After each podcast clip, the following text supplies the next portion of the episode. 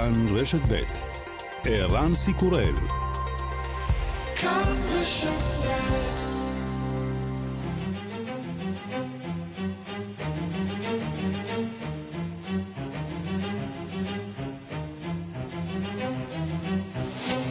השעה הבינלאומית חמישה באפריל 2022 והיום בעולם. לאחר התמונות הקשות מבוצ'ה שבאוקראינה, וזוהי גופה חרוכה, שהרוסים הפציצו בעת שהייתה ברכב. במצבה הנורא לא ניתן אפילו לזהות אם זה גבר או אישה. נשיא ארצות הברית ג'ו ביידן קובע, נשיא רוסיה הוא אכן פושע מלחמה.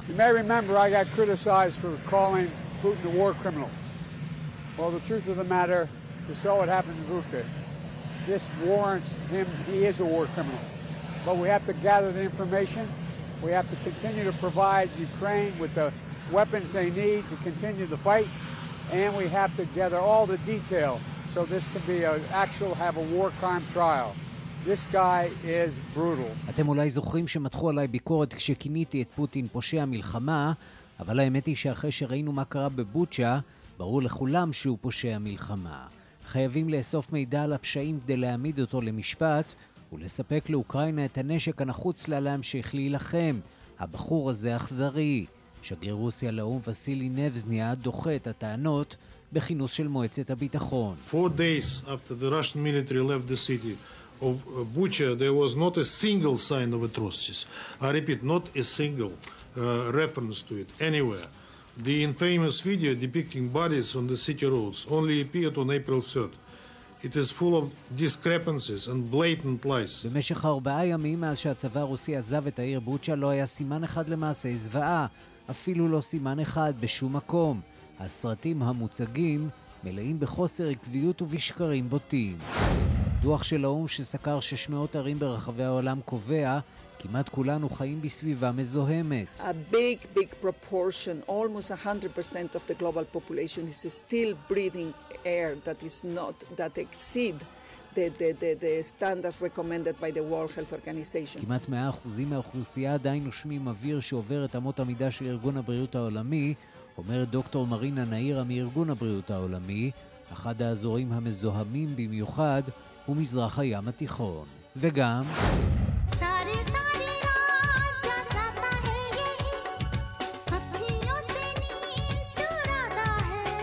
בהודו זועמים, טקס הגרמי שמתהדר בגישה גלובלית, התעלם לחלוטין מילתה מנגשקר, אחת הזמרות המצליחות בכל הזמנים בהודו, שהלכה לעולמה רק לפני חודשים אחדים.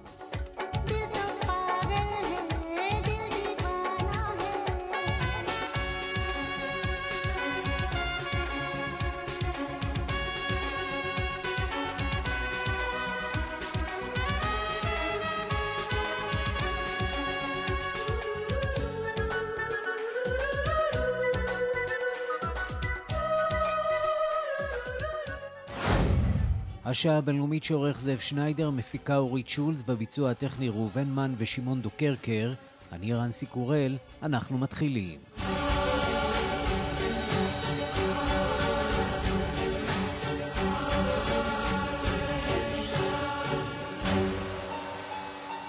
שלום רב לכם, כבר 41 ימי לחימה באוקראינה, הכוחות האוקראינים מתכוננים להדוף את ההתקפה הרוסית במזרח המדינה. ניסיון נוסף לפנות אזרחים ממריופול הנצורה שוב נכשל ובזירה הבינלאומית.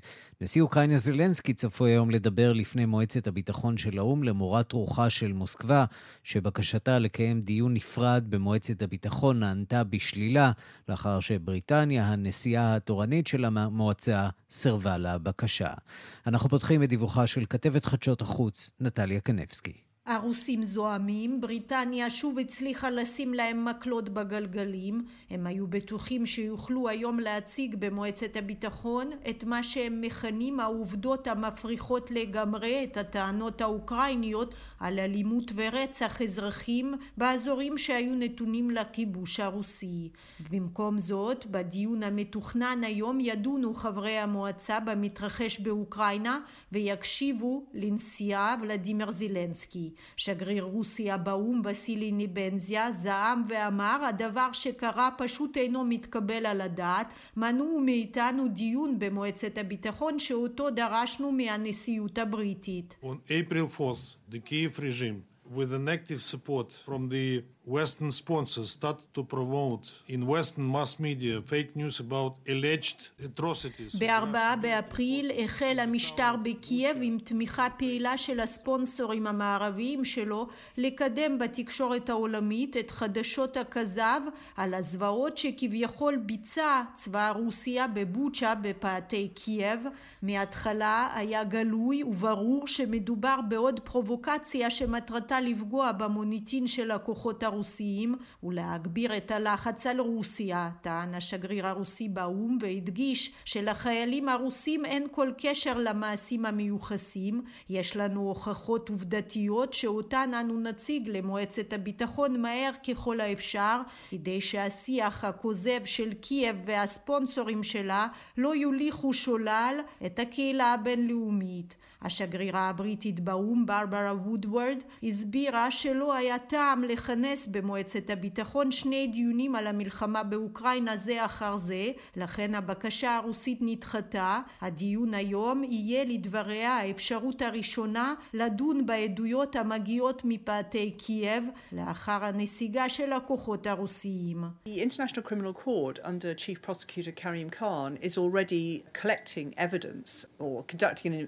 Court into war crimes, and the UK was one of the first countries of the over 40 now. בית הדין הפלילי הבינלאומי בהנהגת הפרקליט הראשי כרים חאן כבר אוסף עדויות וחוקר את החשש לפשעי מלחמה, אמרה השגרירה הבריטית באו"ם, העבודה הזאת אינה דורשת אישור של מועצת הביטחון של האו"ם כשבבקשה תמכו מעל 40 מדינות.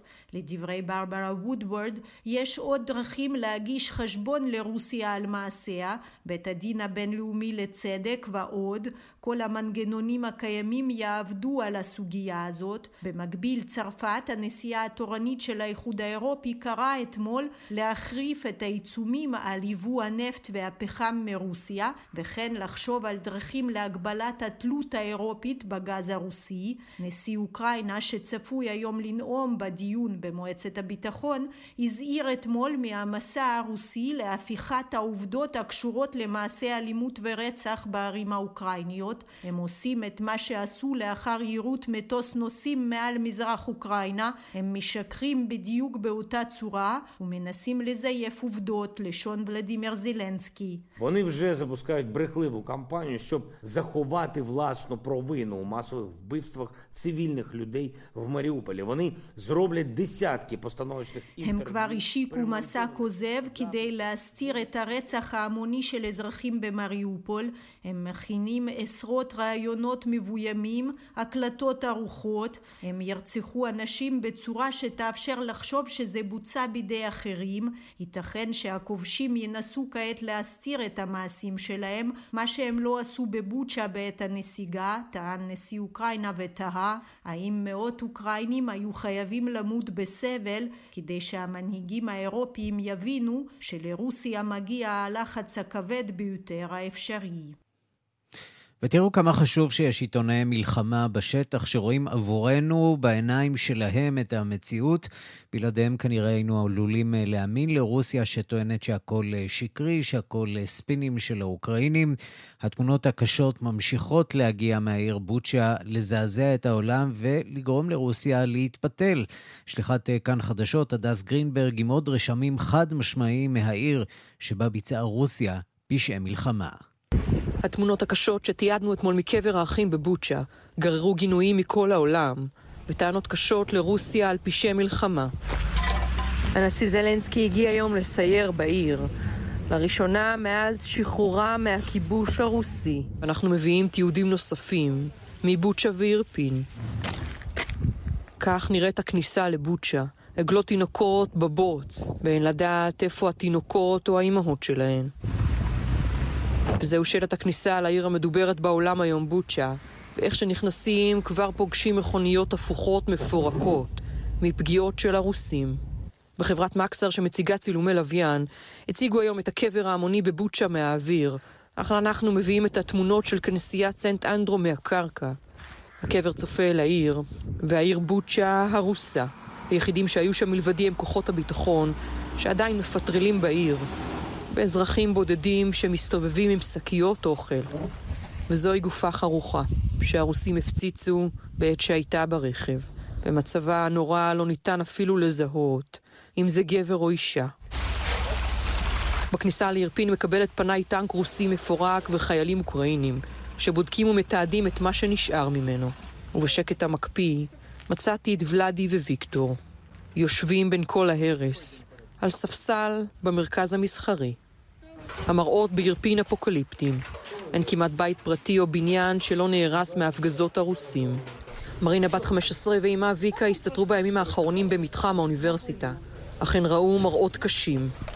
אנדרי, חייל מירפין, אוסף בעיקר עכשיו מוקשים שהשאירו הרוסים מאחור. לפעמים גם תמונות מתקשות להמחיש את מה שהעין רואה במציאות. והמציאות פה איומה. מזכירה את הימים הנוראים שאנחנו אז עברנו. נוראיים מדי.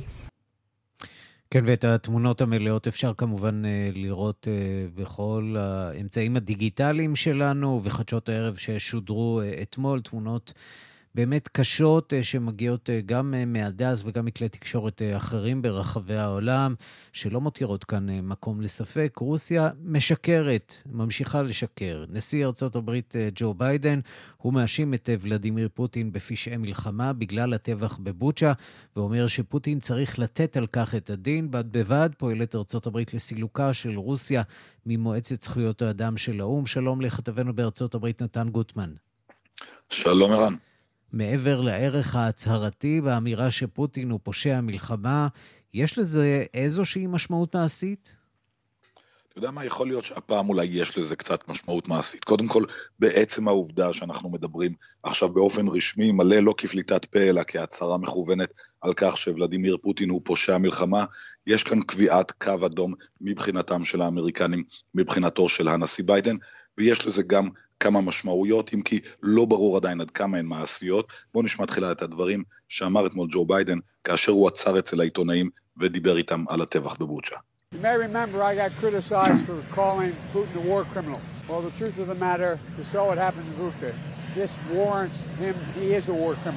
But we have to gather the information We have to continue to provide Ukraine with the weapons they need to continue the fight, and we have to gather all the detail so this can be an actual have a war crime trial. This guy is brutal, and what's happening in Buka is outrageous, and everyone's seen it. Up to Allah. No, I think it is a war crime. כן, אומר ביידן, המצב הוא בלתי נסבל. אתם זוכרים שמתחו עליי ביקורת כשכיניתי את פוטין פושע מלחמה, אבל האמת היא שאחרי שראינו מה קרה בבוצ'ה, ברור לכולם שהוא פושע מלחמה. הוא אומר, אנחנו חייבים לאסוף מידע על הפשעים כדי להעמיד אותו למשפט ולספק לאוקראינה את הנשק הנחוץ לה להמשיך להילחם. הבחור הזה אכזרי, אומר ג'ו ביידן. כן נכון, ולכן השאלה היא עכשיו מה עושים עם זה. אז קודם כל במישור הדיפלומטי ברור שיש כאן את הקביעה הזאת, את הקו הזה בחול שאומר הוא פושע מלחמה, ולכן צריך עכשיו לחשוב מה קורה, האם ביידן יוכל אי פעם להיפגש איתו, האם מותר למנהיגים אירופיים עם אחרים לדבר איתו, האם זה סביר שראש הממשלה בנט ימשיך להיות בקשר עם מישהו שמנהיג ארה"ב מכריז עליו כפושע מלחמה, אלה שאלות שבהחלט עומדות על הפרק עכשיו, ומעבר לזה יש את המישור המשפטי הטכני, ביידן מדבר על איסוף המידע, על ריכוז הראיות בעצם, כדי לפתוח באיזשהו הליך משפטי, ככל הנראה הליך משפטי בבית הדין הבינלאומי, או כפי שאומר אתמול דובר משרד החוץ, נד פרייס, על ידי התובע המיוחד שיעסוק בנושא הזה, הנה קטע מדבריו. Right now, at the request of the Prosecutor General of Ukraine, the United States is supporting a multinational team of international prosecutors to the region to directly support the efforts of the Prosecutor General's War Crimes Unit to collect, preserve, and analyze evidence of atrocities with a view towards pursuing criminal accountability. כן, והוא מדבר על צוות בינלאומי מיוחד שארצות הברית תומכת בו, שיאסוף וינתח מידע כדי להגיש אותו בשלב מאוחר יותר, אולי לבית הדין הפלילי בהאג, זו התוכנית? כן, זו התוכנית לפחות שתהיה את האופציה הזאת, כפי שנעשה כמובן בסופו של דבר אחרי המלחמה בבלקנים, שראינו את זה, ואכן הובילו להרשעות, למאסרים ולשינוי בתפיסה. זה לא אומר שחייבים לעשות את זה, זה לא אומר שנפתח את ההליך, אבל בהחלט יש את ההכנות לקראת זה. זה איום די משמעותי על אדם כמו פוטין, שבניגוד למשל לבשאר אסד, הוא כן מישהו שמחפש לגיטימציה בינלאומית, הוא כן מישהו שיש לו נוכחות בזירה הגלובלית, כך שהאיום הזה בהחלט קיים, אבל ארה"ב עדיין לא נמצאת בשלב של תביעה משפטית מעשית, אלא יותר של איסוף החומרים. מכאן לאירוע אחר אה, שלא בהכרח מנותק אה, מהאירוע הזה. ארצות הברית ביצעה ניסוי בטיל אלכוהולי מתקדם, אבל ניסתה להסתיר זאת אה, ולא להחריף, במטרה שלא להחריף את המתיחות עם רוסיה. זה הצליח, או שהמתיחות גבוהה ממילא? אז אה, הם קודם כל מעניין שהם רצו לנסות, וזה אולי מראה שלמרות שמצד אחד, כמו שראינו בהצהרה הזאת של ביידן על פשעי המלחמה, יש רצון להסלים אה, אה, ולהחריף את, ה, להדגיש את הקווים מול רוסיה. מצד שני, במישור הצבאי עצמו, הברית מאוד זהירה, ולכן הניסוי הזה בטיל האלכוהולי, שאכן בוצע, הוא בוצע בהצלחה לפי הדיווחים האמריקנים, נעשה בשקט, הברית לא הכריזה עליו, ודאי המודיעין הרוסי ידע ממנו, אבל העובדה הברית ביקשה לשמור אותו יחסית בסוד, לשמור על פרופיל נמוך, אומרת ש... הייתה כאן איזושהי הבנה שניסוי בנשק מתקדם עכשיו עלול להיתפס כהסלמה צבאית, וזה משהו שארצות הברית לא רוצה לעשות, כך שמעניין שהיא משחקת בשתי הזירות האלה. אגב, המודיעין, אז ברור שהרוסים יודעים מה שארצות הברית עושה מבחינת הטילים האלכוהוליים שלה, אגב, גם לרוסיה יש כאלה, וגם האמריקנים יודעים מה רוסיה עושה בשטח באוקראינה. ולכן מעניין תמיד להסתכל על מה שאומרים בפנטגון שקורה בשטח, כי הם אולי יודעים יותר טוב, הם והמודיעין הבריטי יודעים יותר טוב מכל אחד אחר הם, בניקוי כל הדיסאינפורמציה והפרופוגנדה, מה באמת קורה שם, והמסר שיוצא מארצות הברית לגבי הכוונות פוטין באוקראינה, הוא מאוד מאוד זהיר בימים האחרונים. נכון, הוא משיג קצת כוחות, נכון, הוא מזיז אותם, אבל לא כדי לסיים את הלחימה, להפך, כדי לבנות מחדש את הכוח. הנה דברים שאומר דובר הפנטגון, ג'ון קרבי. We uh,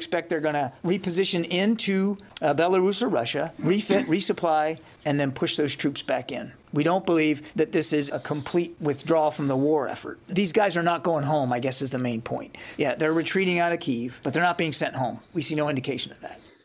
כן, החבר'ה האלה לא הולכים לא הביתה, הם, כן, הם, הם מתארגנים מחדש למתקפה בחלק המזרחי של אוקראינה. באותם מחוזות אה, בדונבאס, דונייצק ולוגנסק, אה, בניסיון להשתלט על אה, טריטוריה נרחבת יותר, ובכל זאת לצאת עם איזושהי תמונת ניצחון מהמהלך הזה. כן, זו בדיוק ההערכה האמריקנית כרגע. פוטין לא מוכן בשלב הזה לסיים את המערכה הזאת, לא בדרך דיפלומטית ולא בדרך אחרת. הוא רוצה להגיע לתמונת הניצחון שלו, כפי שציינת, ולעשות את זה, אם לא דרך קייב, אז דרך דונבאס. נתן גוטמן, כתבנו בוושינגטון, תודה. תודה, ערן. השעה הבינלאומית אנחנו לבחירות בצרפת, אה, שהתקיימו בעוד חמישה ימים, הסבב הראשון בבחירות. הנשיא עמנואל מקרום הוביל בבטחה בסקרים, כשמאחוריו מצמצמת את הפער מנהיגת הימין הקיצוני מרין לפן. למקום השלישי עלה מנהיג השמאל הקיצוני הוותיק אה, ז'אן לוק מלנשון. אה, ובינתיים חזרה על התמונה אה, מלפני חמש שנים פחות או יותר, למרות ואולי דווקא משום שדעת הקהל הוסטה בשבועות האחרונים אה, למלחמה באוקראינה. מפריז מדווח כתבנו גדעון קוץ. אפקט המלחמה באוקראינה דחק לקרן זווית העניין הציבורי את הסיבוב הראשון של הבחירות לנשיאות צרפת שערך ביום ראשון. בינתיים חזרו הסקרים אל הנורמה הצפויה וכל מי שנחשב להבטחה הגדולה של הבחירות השנה נדחק אחורה. כך מועמד הימין הקיצוני אריק זמור שחזר לממדים צנועים יותר מתחת לקו עשרת האחוזי גם אם בימים האחרונים חצה אותו שוב. והתקווה הגדולה של הימין הרפובליקני ולרי פקרס ירדה גם היא למספר חד סברתי. בשבוע האחרון למערכה יצאו המועמדים לעצרות עם גדולות ובראשם הנשיא עמנואל מקרון שהחל לחוש סכנה מסוימת למרות שהוא מוביל בבטחה בסקרים עם 27% בממוצע. הוא ערך עצרת עם בנוסח אמריקני עם כל מיני פעלולים ברוב העסקים לדפנס. זו הזדמנות עבורו להזהיר מפני מגמות קיצוניות גם בפוליטיקה הצרפתית. Mes amis, vous l'avez compris. Le combat, c'est maintenant. C'est le combat du progrès. ידידיי, אתם מבינים שעלינו להתגייס עכשיו. הקרב הוא עכשיו, הקרב על קדמה מול ריאקציה על פטריוטיזם ועל אירופה נגד הלאומנים. הבחירה באפריל היא פשוטה. אם תרצו צרפת של שוויון, של אקולוגיה ושל קדמה, עזרו לנו, הצטרפו אלינו. האיגוף מימין שניסה לבצע אריק זמור הצליח להעניק חיים פוליטיים חדשים ודימוי חדש למרין לפן, היום עם 22 אחוזים, שנראתה בקצה הדרך והדגישה את תדמיתה המתונה והלגיטימית למרות שלא שינתה הרבה מדעותיה. היא יוצאת נגד הכאוס החברתי, הכלכלי והפוליטי שלא גרם לדבריה מקרון, ומסרבת שיכניסו אותה לקופסה.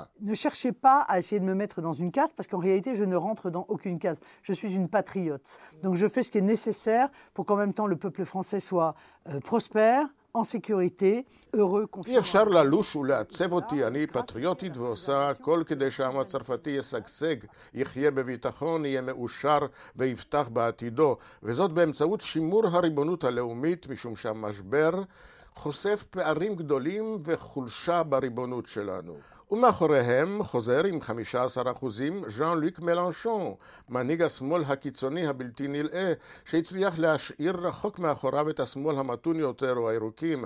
זוהי ההזדמנות האחרונה שלו לקדם את רעיון הרפובליקה השישית, שבה יעשה ההפך ממה שעושה מקרון, שהוא עבורו איש ימין מובהק. En choisissant l'Union populaire dès le premier tour, vous faites un choix de société, car tel est bien dorénavant בחירת החזית העממית שלנו בסיבוב הראשון היא בחירה בחברה.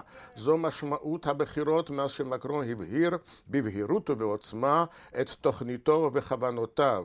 היום יערוך מלנשון עצרות סימולטניות בכמה ערים בצרפת, כשבכולן, פרט לאחת, הוא יופיע בדמות הולוגרמה. כאן גדעון קוץ, מפריז. שלום לדוקטור עמנואל נבון. שלום רב. מן החוג ליחסים בינלאומיים באוניברסיטת תל אביב, מומחה לצרפת. אז מה, צרפת נאחזת בידוע ובמוכר, עמנואל מקרו, שנכון עכשיו לא, קם לו אף, לא קמה לו אף חלופה נוצצת יותר, ודאי לא מרין לפן? כן, בין השאר משום שהמועמדת של הימין המרכז, ימין מרכז של הרפובליקנים, ולרי פקחס, בעצם קרסה. בסקרים. זאת אומרת שלפי הסקרים הראשונים, כאשר היא נבחרה על ידי המפלגה הרפובליקנית, אז היו לה באמת סיכויים אפילו לגבור מקום בסיבוב השני. מה קרה אז... שם? תראה, מה שקרה זה שני דברים. קודם כל, היא התגלתה באמת כקמפיינרית גרועה מאוד. כל הנאומים הפומביים שלה היו באמת אכזבות גדולות. וגם דבר שני, היא ניסתה בעצם למצוא חן גם בקרב המצביעים הימנים וגם בקרב המצביעים המרכזיים, ובסופו של דבר היא לא מצאה חן באף אחד. זאת אומרת, היא ניסתה לדבר, למשל, רק דוגמה, אז היא לקחה על עצמה את הביטוי של זמור, של ההחלפה הגדולה, שהמהגרים באים להחליף את הצרפתים, ואז כשהיא נשאלת על ידי עיתונאי האם היא באמת מאמינה בתיאוריה הזאת, היא באמת התבלבלה לגמרי. אז בסופו של דבר היא קרסה, ולכן נשארים מול מקרון רק מועמדים יותר רדיקליים. אפשר להגיד שהימין המתון בצרפת למעשה נמחק, או לא קיים, או לא משמעותי כבר, והימין נאלץ להסתפק בעצם במועמד שהוא מרכז-שמאל לצורך העניין? תראה, אני לא, אני לא הייתי אומר שהימין, ימין, מרכז ימין נמחק, פשוט המועמדת שלו פשוט הרזיבה את הבוחרים. אבל בסופו של דבר צריך להם גם להבין שמקרו הוא מצד אחד מציג את עצמו כמרכז, אבל בתחום הכלכלי, המדיניות הכלכלית שלו היא מדיניות די ימנית. זאת אומרת, הוא בנקאי לשעבר, שר, שר האוצר לשעבר. המדיניות הכלכלית שלו היא יותר מרכז ימין. דווקא, דרך אגב, שר האוצר שלו הוא איש ימין מובהק. בנושאים אחרים הוא מנבר יותר למרכז. אז זה בעייתי להציג את מקרון כמועמד מרכז-שמאל, כי הוא מין, זה, זה תלוי באיזה נושאים, לפעמים הוא בימין, לפעמים בשמאל, אבל בתחום הכלכלי יותר במרכז ימין. תגידי, יכול להיות שמקרו עשה בסך הכל עבודה אה, לא כל כך רעה גם בהתמודדות מול משבר הקורונה, גם בניסיונות הבינלאומיים שלו לתווך מול רוסיה. זה אמנם לא הצליח, אבל אולי זכה במעט מעמד בינלאומי בעקבות הסיפור הזה, והעם כן אה, חי בשלום עם אה, שלטונו של אה, מקרו. כולנו זוכרים באיזה מצב הייתה צרפת לפני חמש שנים, כשפרנסואה הולנד פרש, אחרי שורה של פיגועים מאוד מאוד קשים. אז כן, צרפת עברה משברים, אבל בסך הכל היא במצב יציב יחסית. והיא היום חברה חשובה מאוד גם בברית נאט"ו, גם באיחוד האירופי, מרכזית יותר מבעבר. אני חושב שבהחלט בתחום הכלכלי, הניהול שלו היה דווקא די טוב. זאת אומרת, המצב של הכלכלה הצרפתית היום הוא סביר מאוד, צמיחה די גבוהה, האבטלה אה, ירדה, אה, הוא באמת אה, קידם וביצע רפורמות שהן מה שנקרא פרו-ביזנס, שהן ידידותיות לעסקים, הוא הביא הרבה משקיעים זרים, גם הניהול שלו במשבר הקורונה היה אחראי. ברמה בינלאומית הוא מצד אחד באמת אה, ידע למלא את, ה, אה, את החלל הריק שהשאיר את הפרישה של מרקל, מצד שני הניסיונות שלו אה, בעצם לחבר את פוטין לאירופה נכשלו, כשאנחנו יודעים, גם הניסיונות שלו למנוע את המלחמה באוקראינה. בוא נגיד מילה כדי להיות מאוזנים גם על מרין לפן. היא הוגדרה אשת ימין קיצוני, למרות שצריך להגיד שהיא מנסה כן לפנות לציבור הזה שעכשיו... מרגיש שהוא אה, ללא ייצוג אה, ממשי במערכת הבחירות הקרובות, לפנות לימין מרכז, נכון? להיות קצת פחות קיצונית ולמשוך אליה גם אותם. אה, קודם כל, השימוש במילת העצם קיצונית היא תמיד די שרירותית. אני אף פעם לא יודע בדיוק מתי עיתונאים מחליטים להשתמש בה ולא, אבל אני יודע רק שבמקרה של מרין לפן, קודם כל היא באמת עשתה הרבה ניקיון בתוך המפלגה שלה. אה, אבא שלה היה באמת אה, אנטישמי וגזען, אה, היא לא, והיא הורידה הרבה, היא הוציאה מהמפלגה הרבה מהאנשים מהדור של אבא שלה. אבל תכלס, הקמפיין שלה הוא באמת קמפיין כלכלי, זאת אומרת, היא ממש מתרכזת בנושא של יוקר המחיה, של עליית המחירים, של איך לסגור את החודש. זה פחות או יותר הקמפיין שלה. דרך אגב, בתחום הכלכלי, המדיניות הכלכלית שלה, המצע שלה, הוא הרבה יותר שמאל מאשר ימין. זאת אומרת, היא אומנם רוצה להגביל את ההגירה, אה, היא מדברת על זהות לאומית וכולי, אבל בתחום הכלכלי אה, קשה מאוד למצוא את ההבדלים בינה לבין השמאל. דוקטור עמנואל נבון מן החוג ליחסים בינלאומיים באוניברסיטת תל אביב, מומחה לצרפת. אנחנו עוד נדבר לא מעט אה, לקראת הימים הקרובים, יש סבב ראשון, סבב שני. צרפת אה, אולי תיכנס קצת יותר אה, למרכז השיח בימים הקרובים, אחרי לא מעט שבועות וימים שהיא קצת יצאה, ולא בצדק, מהשיח הזה. תודה רבה לך. תודה, כל טוב.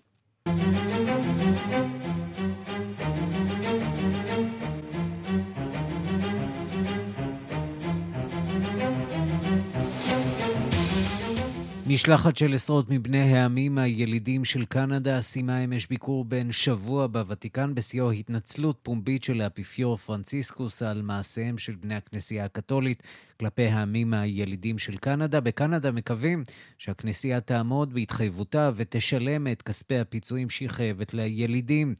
מדווחת כתבתנו מוונקובר, לימור שמואל פרידמן. I ask for God's forgiveness, and I want to say to you with all my heart, I am very sorry. אני מבקש את סליחת האל ורוצה לומר לכם מכל הלב שאני מצטער מאוד. כך חתם האפיפיור שבוע אינטנסיבי וארבע שעות של פגישות עם בני העמים הילידים של קנדה, ששיתפו אותו בטראומות האישיות שלהם כילדי הפנימיות לחינוך מחדש שהפעילה הכנסייה הקתולית במדינה. הם צבעו את אולם הוותיקן בתלבושות ססגוניות, במוזיקה מסורתית, בסיום חגיגי לשבוע היסטורי. האחרונה שבפנימיות נסגרה רק ב-1996. דורות של ילדים מבני העמים הילידים הוכרחו על ידי ממשלת קנדה ללמוד בפנימיות. באכזריות ובאמצעות עונשים פיזיים נאסר על הילדים לדבר את שפתם ואת בני משפחותיהם ביקרו פעם בכמה שבועות. הם עברו התעללויות ומכנים זאת רצח עם תרבותי. ילדים רבים לא שבו הביתה וגורלם לא נודע, עד שלפני כשנתיים התגלו בחפירות בכמה מהפנימיות מאות קברים של ילדים שמתו מסיבות שונות, ולהוריהם נמסר שנעלמו. הגילוי הרועש הביא לתסיסה עשרות כנסיות הועלו באש, ומאז ממשלת קנדה מציינת יום פיוס מיוחד עם בני העמים הילידים. אך מילים לחוד ומעשים לחוד. קאסידי קרון, נשיאת המועצה הלאומית של המתי שהשתתפה בביקור, אומרת ההתנצלות היא אות לבישופים בקנדה להתחיל לפעול. We're on the ground in Canada. They now have direction from the Pope to be able to move towards action. למעשה בשנת 2006 חתמו הכנסייה הקתולית, ממשלת קנדה ונציגי הילידים על הסכם לפיו הכנסייה תעביר פיצויים בגובה של כ-70 מיליון דולר לניצולי הפנימיות. יותר מעשור חלף והכנסייה העבירה כמחצית מהסכום.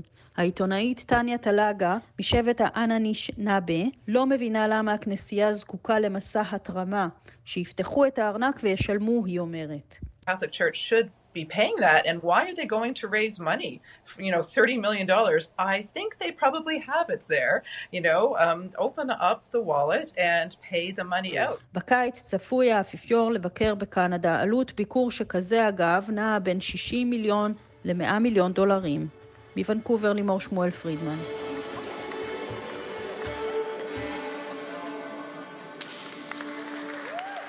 השעה הבינלאומית זה נשמע כמו פרק מהסדרה הפופולרית מניפסט, אבל כנראה שכאן יש בכל זאת הסבר מעט יותר הגיוני.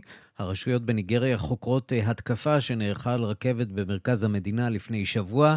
163 מנוסעי הרכבת אה, הזאת אה, עדיין נעדרים. לא ברור אם הם חזרו בעצמם לבתיהם או שאולי נחטפו בידי התוקפים. הדיווח של עורכת ענייני אפריקה, רינה בסיסט. 362 אנשים נסעו ביום שני שעבר ברכבת שיצאה מבירת ניגריה אבוג'ה אל עבר העיר קדומה שבצפון, מרחק של כ-160 קילומטרים. חצי שעה לפני שהרכבת הגיעה ליעדה נשמע פיצוץ אחד, ואחריו פיצוץ שני. הרכבת סטתה מהמסלול שלה והמשיכה עוד כמה דקות על האדמה עד שנטטה על צידה ונעצרה. מה שקרה אחר כך עדיין איננו ברור, גם לא ממרחק של שבוע. We had this really loud sound, like a bomb had exploded or something. And then all of a sudden the, the train was um, derailed, was just uh, moving, came out of the track, yeah. It was just moving, all the luggages were falling down, the train wanted to fall down, was just moving on the gravels. And then... שמענו רעש חזק מאוד, כאילו פצצה התפוצצה. ואז פתאום הרכבת סטתה, ירדה מהפסים. הרכבת פשוט נעה קדימה. כל התיקים נפלו, הרכבת החלה ליפול, היא התקדמה לחצץ. ואז פתאום קולות ירי, אפילו לא ידעתי שאני שומעת יריות. כך סיפרה נערה צעירה בשם איישה בן דאווה, שהייתה על הרכבת. המהומה ברכבת הייתה רבה. איישה והחברה שלה פחדו מאוד. הן נעו מקרון לקרון, עד שחזרו אל אחד הקרונות שבו היו אנשים רבים. הן פחדו להיות לבד, חשופות לתוקפים. הנוסעים הצטופפו בקרון בפחד. במשך שעתיים הם חיכו, עד שכוחות הביטחון הגיעו לחלץ אותם. רק אז התברר גודל האסון, או לפחות חלק ממנו. שמונה אנשים נהרגו בהתקפה, ומעל עשרים אנשים נפצעו. אבל מה קרה לנוסעים האחרים? שבוע לאחר ההתקפה, הרשויות עדיין אינן יודעות מה עלה בגורלם של 168 נוסעים. האם הנוסעים האלה חזרו לבתיהם בכוחות עצמם לאחר ההתקפה? האם הם ברחו לשדות וליער מסביב, והם עדיין מתחבאים? האם התוקפים חטפו אותם? בניגריה חוששים שלפחות כמה מהנוסעים אכן נחטפו. אבל בידי מי? מי תקף את הרכבת? בינתיים, אף קבוצה לא לקחה על עצמה את האחריות לפיגוע. ייתכן שמדובר בארגון האסלאמיסטי בוקו חראם, אבל ייתכן גם שמדובר פשוט בחבורת עבריינים גדולה ומאורגנת היטב. מה שברור הוא שהרשויות ידעו כי הקו הזה של הרכבת איננו בטוח. 18 שוטרים היו על הרכבת, אולם התוקפים היו חמושים ולא היססו לירות. כבר לפני שישה חודשים התחייבה הממשלה של ניגריה לאבטח טוב יותר את קווי הרכבת באזור שם.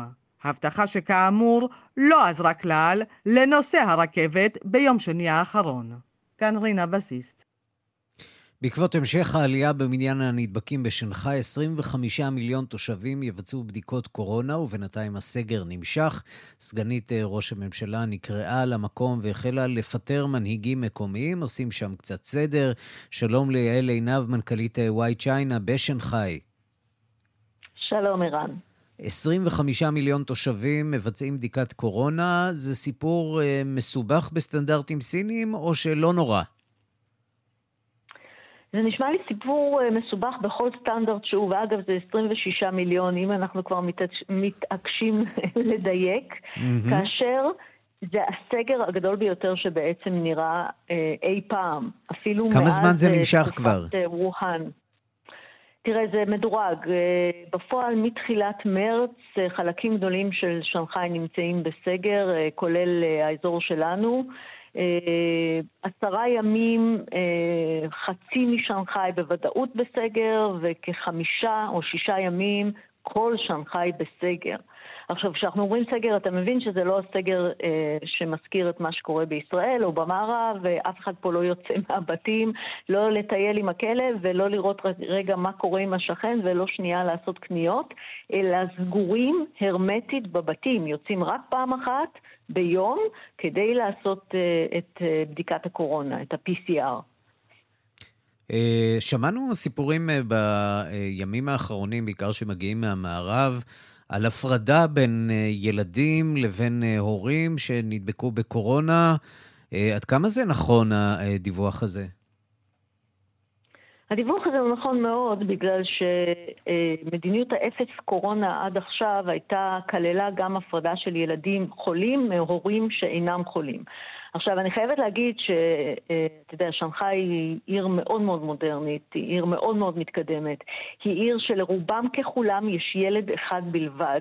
אתה מתאר לעצמך שזה לא דבר פשוט, ובפעם הראשונה שאני רואה באמת מחאה כי אם אני מסתכלת באופן כללי, יש מחאה מאוד מאוד קטנה יחסית למה שציפיתי, על זה שסוגרים אה, עיר שלמה ויש קשיים אה, מבחינת מזון ואספקה וכמובן המערכת הרפואית.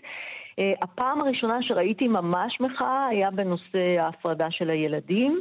במילים אחרות, אם אה, הבת שלי, שהיא בת אה, שבע, אה, נדבקת בקורונה, וזה קרה אגב בבית שלי, זה אומר שמה, שמוציאים את הילדה מהבית בגיל שבע?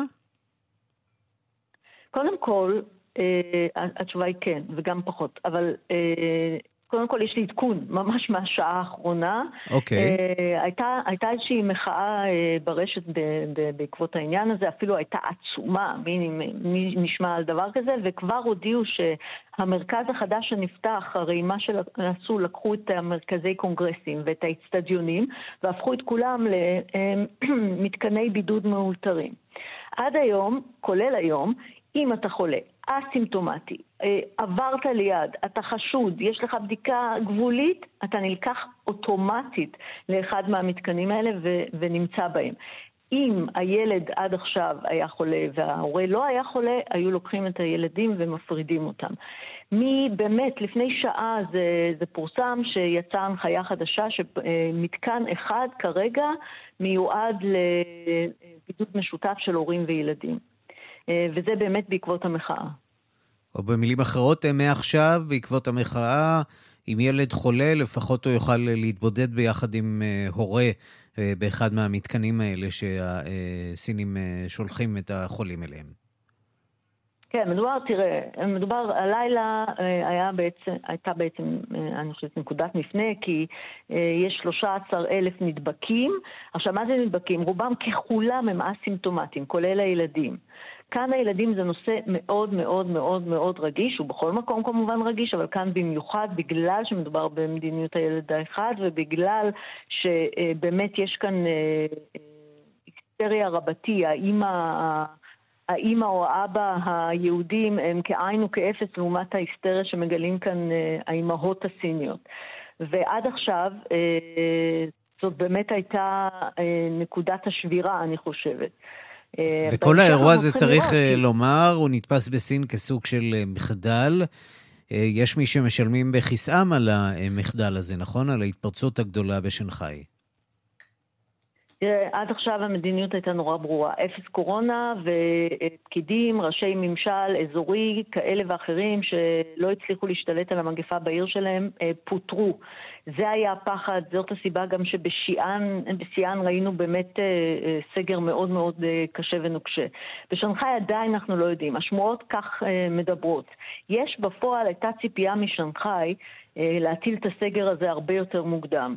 אני חושבת שעד היום המחאות או האי נחת של האזרחים היא לא לגבי הסגר עצמו, אלא לגבי הלוגיסטיקה. כשנגחאי, כעיר כל כך מודרנית ומתקדמת, אה, הייתה ציפייה ש, שהכל יעבוד כאן אה, הרבה יותר טוב, וגם מבחינת אספקת מזון ושירותים ושירותי בריאות וכל השאר. טוב, כנראה שאף לא אחד כך. לא במערב ולא במזרח לא יוצא נקי מהסיפור הזה של הקורונה. זה עסק מסובך מאוד ואי אפשר להשביע את רצונם. רצונם של אה, כולם. יעל עינב בשנגחאי, תחזיקו מעמד שם בסגר. תודה רבה, ערן.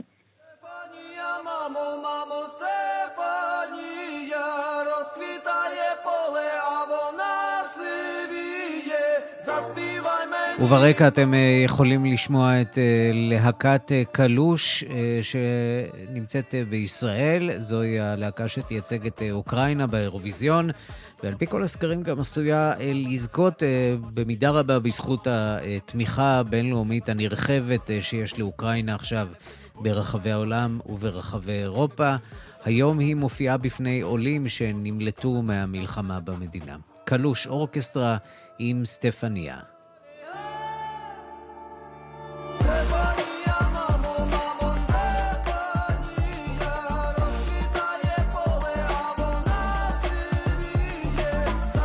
עד כאן השעה הבינלאומית, מהדורת יום שלישי שערך זאב שניידר, המפיקה אורית שולץ, הטכנאים ראובן מן ושמעון דוקרקר, אני רנסי קורל. מיד אחרינו רגעי קסם עם גדי לבנה. אנחנו נפגשים שוב מחר בשתיים בצהריים עם עוד מהדורה של השעה הבינלאומית. חפשו אותי בטוויטר, ערן סיקורל, אני שם. להתראות.